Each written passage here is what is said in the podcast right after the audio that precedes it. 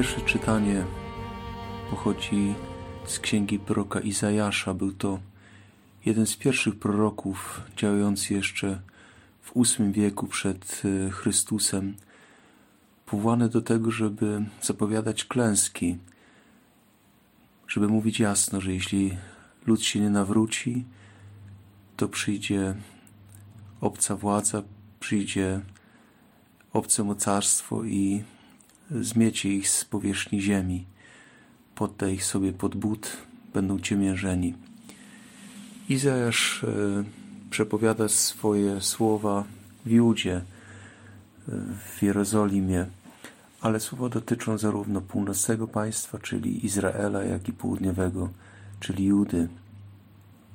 Co więcej, to jego słowo zrealizowało się bardzo mocno w przypadku tego państwa północnego, bo w roku 721 zostaną najechani, najechani zostali przez Sennacheryba, króla Asyrii, wobec którego się zbuntowali i ten Sennacheryb y, tą najwyższą kastę urzędników, y, króla, ludzi zajmujących y, zaszczytne stanowiska, uczonych i tak dalej, przeniósł do, do Asyrii.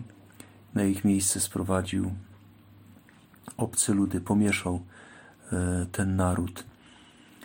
I południowe królestwa, więc Juda, mogli widzieć, co się dzieje, kiedy człowiek jest nieposłuszny Słowu Bożemu, kiedy się nie nawraca. Ale jak wiemy, nie na wiele się to zdało. Ileś lat, kilkadziesiąt lat później, może więcej, ponad sto, e, zostają również najechani Judejczycy przez Babilończyków i spotyka ich ten sam los.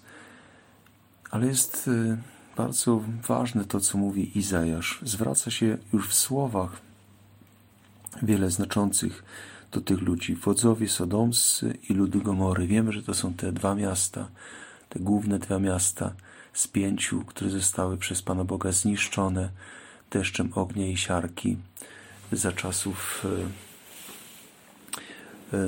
Lota, i, czyli Abrahama. I e,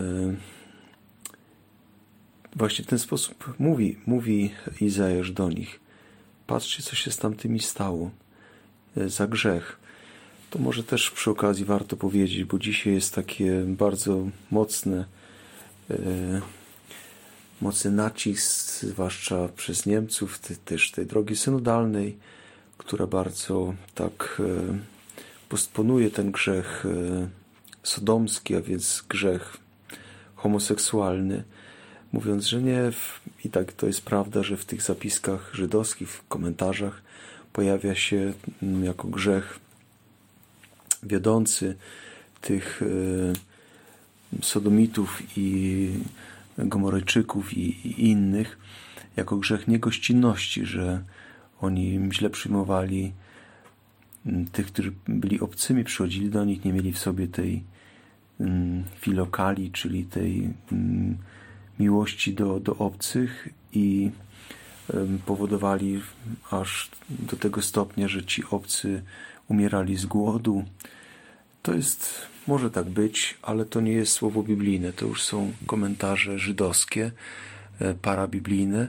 Natomiast Biblia mówi jasno, że oni dopuszczali się tych grzechów sodomickich, więc grzechów współżycia pomiędzy mężczyznami e, i za to zostali, za ten grzech, potworny grzech, zostali też nawiedzeni tym deszczem siarki i ognia.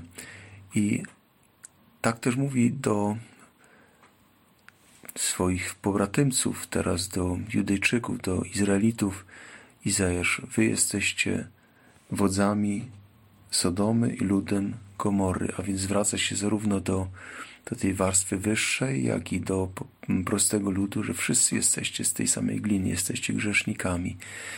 Ale to jest też niesamowite, że mówi tutaj, że e, jest kara za ten grzech i Pan Bóg was wyda pod miecz. Już nie Pan Bóg wymierzy tą sprawiedliwość tak, jak to było w Sodomie i Gomorze, że Pan Bóg zesłał ten deszcz, tylko tutaj inni przyjdą i inni e, wykonają tą karę. To będą właśnie Asyryjczycy, potem Babilończycy. E, ale kara jest, bo jest, ta kara jest po prostu wpisana w grzech, że człowiek, który wchodzi w grzech, e, potem cierpi.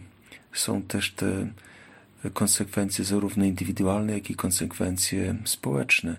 To, że my dzisiaj żyjemy w takich, a nie innych e, sytuacjach, że u nas choćby ten grzech sodomii jest e, bardzo tak niwelowany, że to jest byle co, że to trzeba inaczej rozumieć teraz to słowo, trzeba, trzeba to interpretować. Ale my widzimy na własne oczy, jak to się dokonuje, kiedy nie ma e, tej miłości naturalnej, kiedy nie ma naturalnego współżycia, kiedy nie ma płodności i tak dalej, tylko jest e, użycie, o które też chodzi w tym, w tym grzechu e, homoseksualnym, odrzucenie tego, tego słowa Pana Boga, przykazania, które Pan Bóg daje, no to jest zniszczenie, tak? To zniszczenie było pokazane w Sodomie i Gomorze, ale i to zniszczenie możemy obserwować już na naszych oczach, bo Europa Zachodnia, która wchodzi w ten grzech, e, choćby ten grzech homoseksualizmu, nie ma, mm, nie ma mm, potomstwa, nie ma dzieci i tak dalej, jest e, tą Europą pustą i wchodzą w to inni, mm, teraz już bez, bez wojny, bez walki, bez niczego zasiedlają te kraje. E, co będzie dalej? No, strach pomyśleć. To jest konsekwencja też tego grzechu, który, który mm, ci starożytni popełniali i który my robimy dokładnie kalkę tego i wchodzimy w te same grzechy. To już Pan Bóg wydaje pod miecz.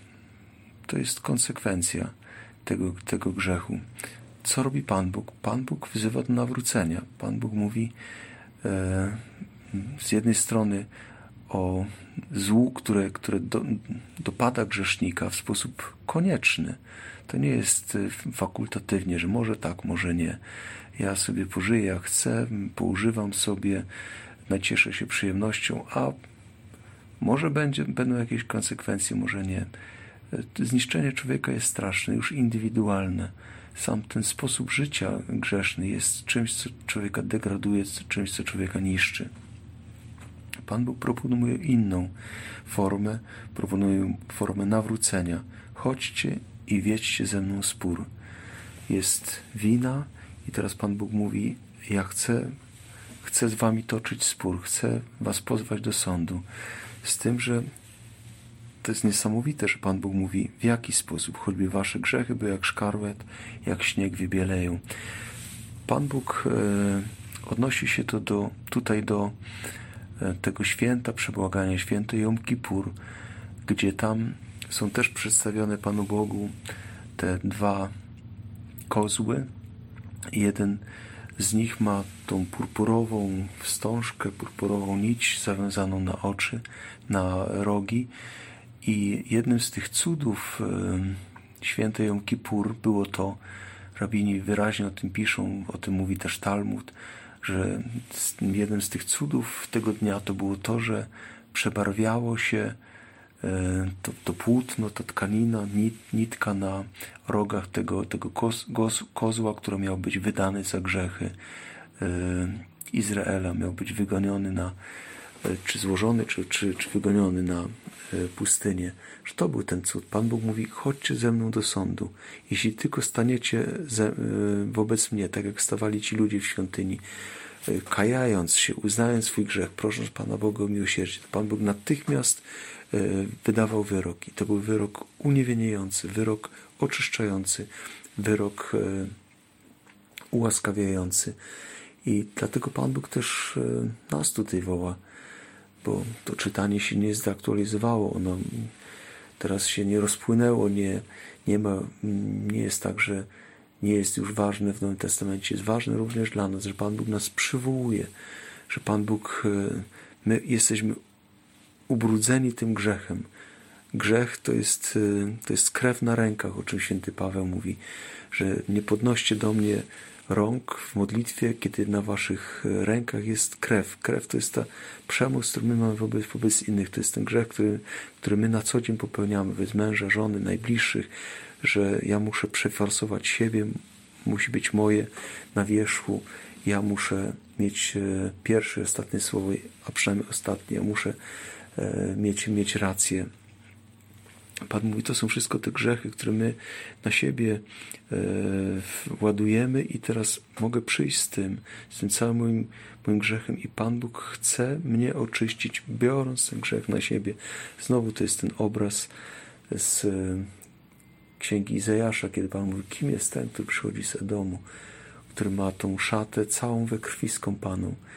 Że to, to są wszystkie nasze grzechy, to jest ten krew, to jest to zło, które które my mieliśmy na sobie i Chrystus stał się tym barankiem ofiarnym, tym kozłem, który wziął cały ten grzech na siebie. Nasze grzechy zostały opłukane w Jego krwi. To jest y, to, co w sposób y, taki niesamowity przeżywamy w Chrzcie Świętym, kiedy te grzechy, pierworodne grzechy, potem wszystkie inne grzechy zostaną e, wzięte przez Pana Boga na siebie, po to, żebyśmy mogli mieć tą szatę czystą, białą, nieskazitelną. Tą szatę, którą my w każdy Jom Kippur, a więc e, przy każdej spowiedzi możemy oczyszczać, wybielać, e, tak mieć tą, tą szatę jak, jak Chrystus miał tą szatę nieskazitelną, szatę ze światła na górze Tabor.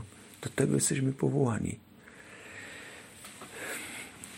Jednego tylko trzeba uznać tego, ten swój grzech. Nie mieć w sobie tego faryzejstwa, o którym e, mówi też Chrystus w Ewangelii, że my możemy być teraz tymi następcami faryzeuszów, którzy my siadamy na tym krześle, na tej katedrze faryzeuszów i nauczamy, nauczamy innych, ale nie stosujemy tego do siebie. Jesteśmy wymagający e, wobec innych, domagamy się sprawiedliwości, a sami jesteśmy ślepi na nasze własne uczynki. Dlatego Chrystus mówi: e, Nie bądźcie nauczycielami, nie pouczajcie, nie, nie nazywajcie siebie mistrzami, nauczycielami.